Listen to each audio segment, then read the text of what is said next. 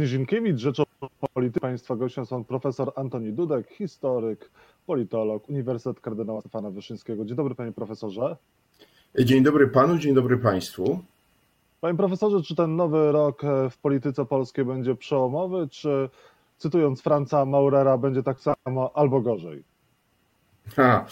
No niestety Maurer mógł mieć rację, to znaczy ja średnio wierzę w jakieś olbrzymie przełomy w polskiej polityce, no bo mieliśmy przecież y, sezon wyborczy i na razie nic nie wskazuje na to, żeby w tym roku miały być przedterminowe wybory. Oczywiście, jak się ktoś uprze, to może znaleźć taką nadzieję, zwłaszcza po stronie opozycyjnej, ale na razie, mimo potłuczenia, poobijania, rządząca większość trzyma się mocno w moim przekonaniu i, i, i raczej e, nie będziemy mieli przedterminowych wyborów, a skoro tak, to e, pytanie, co miałoby być tym przełomem? No, na pewno będzie to burzliwy rok, tu zgoda, to znaczy spodziewam się, że wychodzenie z pandemii będzie obfitowało w różne gwałtowne zachowania, smak tego mieliśmy za oceanem w Stanach Zjednoczonych, gdzie to widzieliśmy, co się działo się na Kapitolu, to w jakimś stopniu było symboliczne, moim zdaniem, dla pewnych gwałtownych reakcji społecznych. Natomiast ja ciągle uważam, że na koniec tego roku rządzić będą ci sami, którzy rządzą. Taka, taka, taka, taki scenariusz wydaje mi się bardziej prawdopodobny od tego, w którym Prawo i Sprawiedliwość miałoby e, stracić władzę, a to byłby przełom rzeczywiście. Profesorze, dzieje się bardzo dużo, nie tylko w Polsce, ale i na świecie. Mamy pandemię, z którą rząd sobie radzi raz lepiej, raz gorzej. Mamy teraz e, kwestię szczepień. Nauczyciele czekają na e, szczepienia. Nie ma pewności, kiedy dzieci będą mogły wrócić do szkół, ile potrwa e, zamknięcie gospodarki, jak to się odbije finansowo na życiu Polaków. No oprócz tego straciliśmy ważnego sojusznika w Białym Domu, rządzący stracili Donalda Trumpa. W Zjednoczonej Prawicy są również e, podziały, widzimy co się dzieje z porozumieniem i Solidarną Polską wobec PiS, a ponadto Andrzej Duda też e, teraz zawetował jedną ustawę i, i buduje sobie jakiś równoległy ośrodek dyplomatyczny e, przy kancelarii prezydenta, więc dzieje się. Nie, wszystko to oczywiście prawda i to są w większości objawy czy symptomy tego, z czym przyjdzie się zmagać rządzącym. Ja to już od dawna mówiłem, właściwie od momentu wybuchu pandemii, to nie jest żadne wielkie odkrycie, że łatwe rządzenie się skończyło i PiS będzie miał teraz bardzo stromo pod górkę, tyle tylko, y, że jest pytanie o alternatywę. Znaczy, po pierwsze o powód, dla którego PiS miałby do, zgodzić się na przedterminowe wybory w tak trudnej dla siebie sytuacji. Jest oczywiste, że zrobi wszystko, żeby do tego nie dopuścić, a mając po swojej stronie prezydenta, bo to oczywiście weto nie czyni tutaj jakiejś rewolucji. Andrzej Duda jest dalej lojalnym w moim przekonaniu czy uczestnikiem obozu rządzącego, a to, że będą, będzie w jego ramach, prawda, prawda, toczył różne e, boje czy z prezesem Kaczyńskim, czy z innymi osobami, to jest wtórne dla e, pewnego wspólnego interesu. Więc to po pierwsze, a po drugie jest kwestia opozycji. Mianowicie zwykle wtedy e, władza traci ją, kiedy po stronie opozycyjnej no, rysuje się jakaś klarowna, przekonująca dla sporej części obywateli alternatywa i tutaj ciągle tego nie ma. To znaczy to, co wydawało się już o włos w ubiegłym roku, Rafał Trzaskowski, który no, był o włos od zwycięstwa w wyborach prezydenckich, jednak te wybory przegrał, po czym ten kapitał mu się rozszedł. On już dzisiaj z tych legendarnych 10 milionów nie ma nic tak naprawdę. Oczywiście ma mocną pozycję w Platformie Obywatelskiej, ale nie udało się przełożyć, to już możemy stwierdzić, być może to było niemożliwe, to można dyskutować, ale nie udało mu się przełożyć tego 10-milionowego poparcia w wyborach prezydenckich na zbudowanie jakiejś nowej jakości po stronie opozycyjnej. I, i dlatego moja diagnoza, którą przedstawiłem wcześniej, opiera się właśnie na tych dwóch przesłankach. Po pierwsze, PiS, mimo kłopotów licznych, które pan wymienił, które ma, będzie absolutnie zdeterminowany, żeby nie, nie dopuścić do przedterminowych wyborów, bo moim zdaniem no, mógłby stracić e, w ich wyniku władzę. A po drugie, ta druga strona, która miałaby wygrać te wybory, w moim przekonaniu jest na tyle podzielona i skłócona, że tych wyborów po prostu nie jest dziś w stanie wygrać w tym sensie, że nie jest w stanie zbudować jakiejś spójnej większości alternatywnej dla dla PiSu, bo oczywiście w sondażach wynika, że gdyby dzisiaj się odbyły wybory, no to w większości sondaży widać, że Zjednoczona Prawica traci tą matematyczną większość w Sejmie. To jest prawda. Tylko jest pytanie, czy z tej drugiej strony, czyli nie pisowskiej, dałoby się ulepić cokolwiek w postaci stabilnego rządu, zwłaszcza przy wrogim prezydencie. Nie widzę tego kompletnie. Być może tu jest potrzebny ten rok właśnie i ten rok będzie takim rokiem, w którym no, y, kolejność w peletonie się zmieni. PiS przestanie być liderem sondaży, bo nawet w najgorszych sondażach PiS jest jednak liderem i wtedy rzeczywiście powstanie, powiedziałbym, y, no, taka atmosfera dla upadku y, rządów Prawa i Sprawiedliwości. Na razie powiedziałbym, że ciągle jesteśmy jeszcze przed powstaniem takiej atmosfery. Czyli cytując kolejnego klasyka, dzisiaj PiS jeszcze nie ma nawet z kim przegrać? Tak, moim zdaniem dzisiaj PiS ciągle nie ma jeszcze z kim przegrać, choć oczywiście e, to się może szybko zmienić, bo to rzeczywiście, o czym Pan powiedział wcześniej, to znaczy pandemia moim zdaniem wyzwoli już wyzwala, a w każdym miesiącu będzie wyzwalała coraz, powiedziałbym, bardziej e, takie gwałtowne zachowania w opinii publicznej. Po prostu wszyscy są coraz bardziej zmęczeni tymi obostrzeniami. I teraz w miarę postępowania akcji szczepień, no jest powszechne oczekiwanie, że rząd będzie łagodził te wszystkie obostrzenia. No i że tutaj perspektywa wakacji jawi się jako taka absolutnie nieprzekraczalna cezura. Tymczasem, czy to będzie możliwe? No wiemy doskonale, że po pierwsze tych szczepionek brakuje. Po drugie, nie wiemy, czy jak tych szczepionek już przestanie brakować, bo ja zakładam, że w drugim kwartale napłynie ich znacznie więcej niż w pierwszym, to czy rzeczywiście ta akcja szczepień będzie przebiegała rzeczywiście tak sprawnie, jak to rząd zapowiada? No i wreszcie jest pytanie, w jakim stanie będzie gospodarka, dlatego że widać wyraźnie, że jest coraz większa liczba osób, no, które już właściwie zbankrutowały, mimo tych wszystkich rządowych tarcz i one będą musiały tą swoją frustrację jakoś wyładować, no najpewniej na rządzie. No to symbolem oczywiście są górale, prawda, i, i, i to, że oni właściwie stracili jeden z głównych, czy główne, można powiedzieć, sezon w roku, czyli, czyli ferie, które właśnie się za chwilę skończą e, i, i, i koniec. No i, i, i ta frustracja zostanie. Więc mm, to jest to pytanie, czy rząd sobie z tym poradzi? No moim zdaniem pewnie nie poradzi sobie, tylko jest pytanie, czy od razu e, to się przełoży na nastroje w postaci na przykład zwiększenia e, poparcia dla Platformy Obywatelskiej, czy dla ruchu Hołowni, czy dla jakichś innych formacji opozycyjnych, bo proszę zwrócić uwagę, mieliśmy już takie wahnięcie w ubiegłym roku, ją, kiedy od PiSu zaczęli odchodzić zwolennicy w sondażach, ale właściwie nikomu tak mocno nie przykładało. Może trochę hołowni przyrosło, ale generalnie jest takie zjawisko jak czasowe wycofywanie poparcia dla rządzących, po czym ludzie wracają, no w tym wypadku do PiSu. I być może będziemy mieli z czymś takim do czynienia. PiS na pewno w to wierzy. W PiSie jest przekonanie, że jak już tą pandemię uda się w tym roku opanować, to wrócą wszystkie programy z polityki społecznej, no i uda się znowu odbudować na to, to poparcie na poziomie ponad 40%. Moim zdaniem to będzie bardzo trudne, ale nie jest wykluczone. Wszystko będzie zależało no, od koniunktury gospodarczej, ale też pamiętajmy, że no, ważne jest y, pewne zmęczenie formacją rządzącą.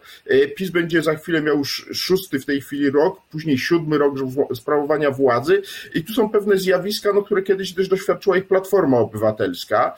Y, po prostu ludzie mają dość tej władzy, zwłaszcza młodzi, którzy ją pamiętają właściwie od zawsze, prawda? Za chwilę PiS będzie taką partią, która zdaniem wielu młodych Polaków rządzi od zawsze i to jest potężne obciążenie, obiektywnie jakby niezależnie od jakości sprawowania władzy. E, zaszczepiły się popularne osoby na e, Warszawskim Uniwersytecie Medycznym. Prawo i Sprawiedliwość ogłosiło to wielką aferą trzecią, trzeciej RP. Tymczasem szczepią się również poza kolejnością przedstawiciele Prawa i Sprawiedliwości. Co ta wielka afera trzeciej RP miała przykryć, albo też e, co z tymi, jak ona może wpłynąć e, na politykę? Wie pan, ja myślę, że ona nie wpłynie znacząco na politykę, choć PiS będzie to próbował wykorzystywać, już to robi permanentnie dla właśnie piętnowania no, tych zblatowanych elit przegniłych trzeciej RP, ale ma jedną pozytywną rolę, którą właśnie widzę już w najnowszych badaniach, a mianowicie, jak wiemy, kiedy pojawiła się perspektywa szczepień, okazało się, że bardzo wielu Polaków się nie chce szczepić i teraz z każdym tygodniem e, ta e, e, proporcja zmienia się na korzyść zwolenników szczepień. To ja uważam za bardzo pozytywne zjawisko i między innymi efekt tej afery celebryckiej, ponieważ wielu wątpiących nagle zrozumiała, że szczepionka jest dobrem pożądanym. Skoro osoby o tak znanych nazwiskach tak bardzo chcą się zaszczepić, że korzystają właśnie z różnego rodzaju takich, moim zdaniem oczywiście skandalicznych procedur, czy właśnie złamania pewnych procedur, no znaczy, że to jest coś wartościowego, warto to zrobić. I to podziałało paradoksalnie lepiej niż te wszystkie kampanie informacyjne, które się rozkręcają, e, promujące te szczepienia. To ludzi nie przemawia tak mocno, jak właśnie sytuacja, w której znane postacie, y, także aktorzy, prawda, gdzieś tam się zaszczepili poza kolejnością. I to, y, to, to wydaje mi się, że to jest w sumie pozytywne. To znaczy w całym tym, powiedziałbym, dość wątpliwej y, od strony etycznej afery, rzeczywiście to odegrało pozytywną rolę promującą szczepienia. Natomiast politycznie oczywiście będzie to przez media sprzyjające rządowi jeszcze wielokrotnie pod, przypominane, podnoszone ale moim zdaniem z każdym tygodniem będzie traciło na znaczeniu, no bo w miarę jak będzie przyrastała liczba osób ogólnie zaszczepionych, będzie się pojawiało pytanie, no w końcu, jakie to miało znaczenie, że się te kilkadziesiąt osób tam zaszczepiło. E, to będzie, wie pan, tutaj no w końcu nikt nikomu niczego nie ukradł, e, po prostu ktoś zrobił błąd, wciągnął ileś innych osób, to nie sądzę, żeby ta afera miała przełożenie znaczące na politykę, zwłaszcza, że tam się jednak politycy nie zaszczepili, prawda, bo jeszcze gdyby tam się okazało, że to politycy opozycji się pozaszczepiali, e, to zgoda, no ale coś takiego nie miało miejsca, oczywiście z wyjątkiem tych, którzy byli lekarzami, ale to był element z moim zdaniem słusznej promocji. Inna rzecz, że ja tu jestem też mało obiektywny, bo ja od początku uważałem, że trzeba było tą sprawę potraktować inaczej i trzeba było na przykład zaszczepić wszystkich członków rządu e, i innych wysokich urzędników państwowych w tej grupie, powiedziałbym, w ramach tak zwanego pierwszego tysiąca, e, tak jak to zrobiono na przykład w Izraelu i w wielu innych krajach. I tutaj uważam, że zagrało to, co jest częścią polskiego życia publicznego, taka hipokryzja, w której rządzący kolejki najskromniejsi. Wiemy, że tak nie jest, a tutaj ten element, moim zdaniem, dania przykładu był decydujący. Więc ja byłem zwolennikiem właśnie tego, żeby rząd się zaszczepił in gremio w pierwszej kolejności. E, sondaż pokazuje, że najnowszy dla Rzeczpospolitej, że nawet zjednoczona opozycja nie wygrałaby z prawem i sprawiedliwością. E, pytanie, czy ta, czy ta opozycja może się e, zjednoczyć w najbliższym czasie, tak jak chce na przykład Szymon Hołownia, czy jesteśmy jednak e, dalecy od tego? No i pytanie też, czy jest komu przejąć po Prawie i Sprawiedliwości dzisiaj władzę? Czy widzimy taką alternatywę? Czy Polacy widzą alternatywę? No więc właśnie to jest to, o czym już mówiłem. Tu jest jedna z, można powiedzieć, że to jest główny atut PiSu, to jest kondycja drugiej strony. Tak jak przez długie lata rządów Platformy kondycja PiSu i całej reszty opozycji była też atutem Platformy, tak dzisiaj mamy sytuację odwrotną. To znaczy y, Szymon Hołownia z jednej strony mówi coś o zjednoczeniu, z drugiej strony wyżywa wspólną listę wyborczą z Platformą Obywatelską, więc on wy, wy, wypuszcza też sprzeczne sygnały, ale jedno jest pewne, nawet gdyby on był wielkim zwolennikiem integracji, a nie jest, e, to i tak moim zdaniem opozycja się nie zjednoczy, ponieważ istnieje coś takiego jak e, ta pamięć o klęsce e, koalicji europejskiej, czyli tej koalicji szerokiej opozycyjnej, która, która poległa w wyborach do Parlamentu Europejskiego w 2019 roku. I ta pamięć niestety niestety jest dla opozycji bardzo destrukcyjna, bo oczywiście system wyborczy premiuje potężne listy i ja jestem przekonany, że gdyby możliwe było zbudowanie takiej listy obejmującej e, te podmioty, które były dawniej w koalicji europejskiej, to dla PiSu byłoby to poważne wyzwanie. No niemniej jednak na taką listę nie ma w tej chwili szans i chyba nie będzie. Raczej zakładam, że opozycja pójdzie e, do wyborów jeśli one w końcu nastąpią, pytanie czy w terminie e, konstytucyjnym, czy wcześniej, to dwu, jeśli pójdzie w dwóch blokach, czyli nazwijmy to blokiem takim bardziej centrowym i bardziej lewicowym, e, to i tak jeszcze e, daje jej pewną szansę, no oczywiście pod warunkiem, że dostaną oba te bloki więcej mandatów niż PiS, nie wejdzie Konfederacja do, do Sejmu, co też jest możliwe. No i wtedy te dwa bloki będą w stanie już, będąc w Sejmie, wynegocjować e, wspólną koalicję i stworzyć rząd. Na razie to jest bardzo odległe, e, bardzo trudne.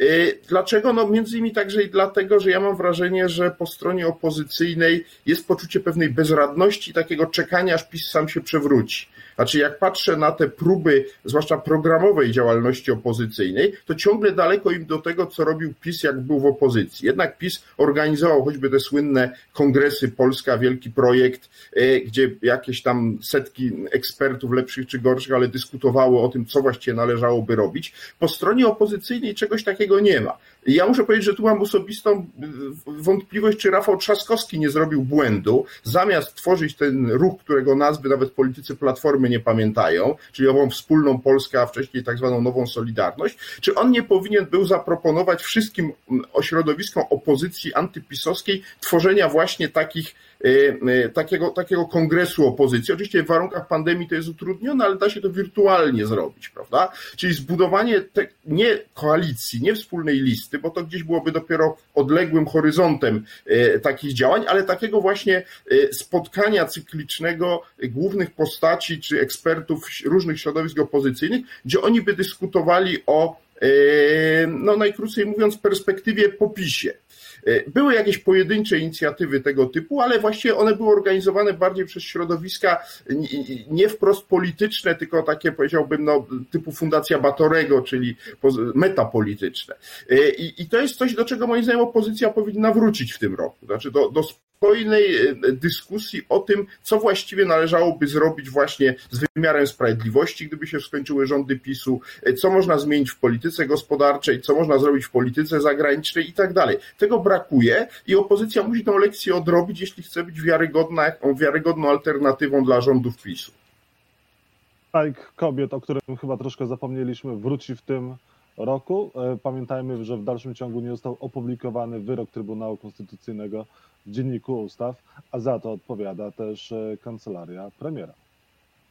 No jest dokładnie, pan redaktor właściwie udzielił odpowiedzi. Strajk kobiet wróci, jak PiS w końcu y, odmrozi tą decyzję o publikacji y, wyroku Trybunału Konstytucyjnego. No mamy do czynienia z surrealistyczną sytuacją. Oczywiście oficjalnie rząd twierdzi, że to jest po stronie Trybunału, że jak Trybunał wyda to uzasadnienie, no to wtedy jego wyrok zostanie opublikowany, co oczywiście jest niezgodne z prawem, no ale pal licho istotne jest, że wiadomo, że decyzja jest w gabinecie prezesa Kaczyńskiego, to on wyda polecenie tak naprawdę e, czy ujawnienia przez Trybunał uzasadnienia tego wyroku, po czym nastąpi jego publikacja. No i tu będzie oczywiście po tym, że dla PiSu zaskoczeniem była skala tych demonstracji, oni będą wyczekiwać na najbardziej odpowiedni moment. Nie wykluczam, że ten moment może jeszcze bardzo długo nie nadejść, więc ta sprawa będzie wisiała w powietrzu. Natomiast nie mam wątpliwości, że jeżeli się w końcu ten wyrok Trybunału zostanie opublikowany, to znowu się pojawią demonstracje. Nie jestem oczywiście w stanie ocenić, jaka będzie ich skala, ale podejrzewam, że mogą być równie liczne co te jesienne. No i co więcej, pamiętajmy, że sama publikacja wyroku to jest dopiero wstęp do prac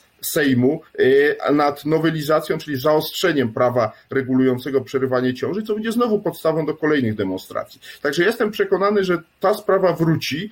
PiS nie będzie mógł w nieskończoność trzymać jej u, u prezes Przyłębskiej, która będzie latami pisała uzasadnienie, chociaż oczywiście no i coś takiego może być możliwe w, w tych wszystkich dziwnych standardach, do których PiS nas przyzwyczaił, ale mimo wszystko zakładam, że w tym roku jednak to uzasadnienie się pojawi, a w ślad za tym pojawią się też demonstranci na ulicach.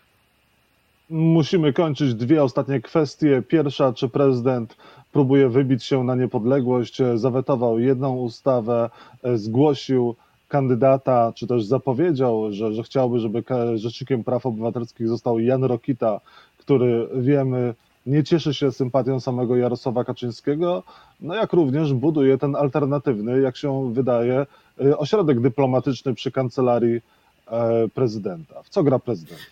Ja myślę, że to jest za dużo. Powiedziałem że prezydent w końcu poczuł na własnej skórze tą falę już nawet nie krytyki, a szyderstw, jakie zaczęły płynąć pod jego adresem no, w ostatnich miesiącach, e, w związku z jego praktycznie nieistnieniem w życiu publicznym. I on postanowił w końcu jakoś zamanifestować swoją obecność, no i skierował to rzeczywiście do prezesa Kaczyńskiego, bo to weto jest adresowane moim zdaniem personalnie do prezesa Kaczyńskiego, jako wicepremiera do spraw bezpieczeństwa.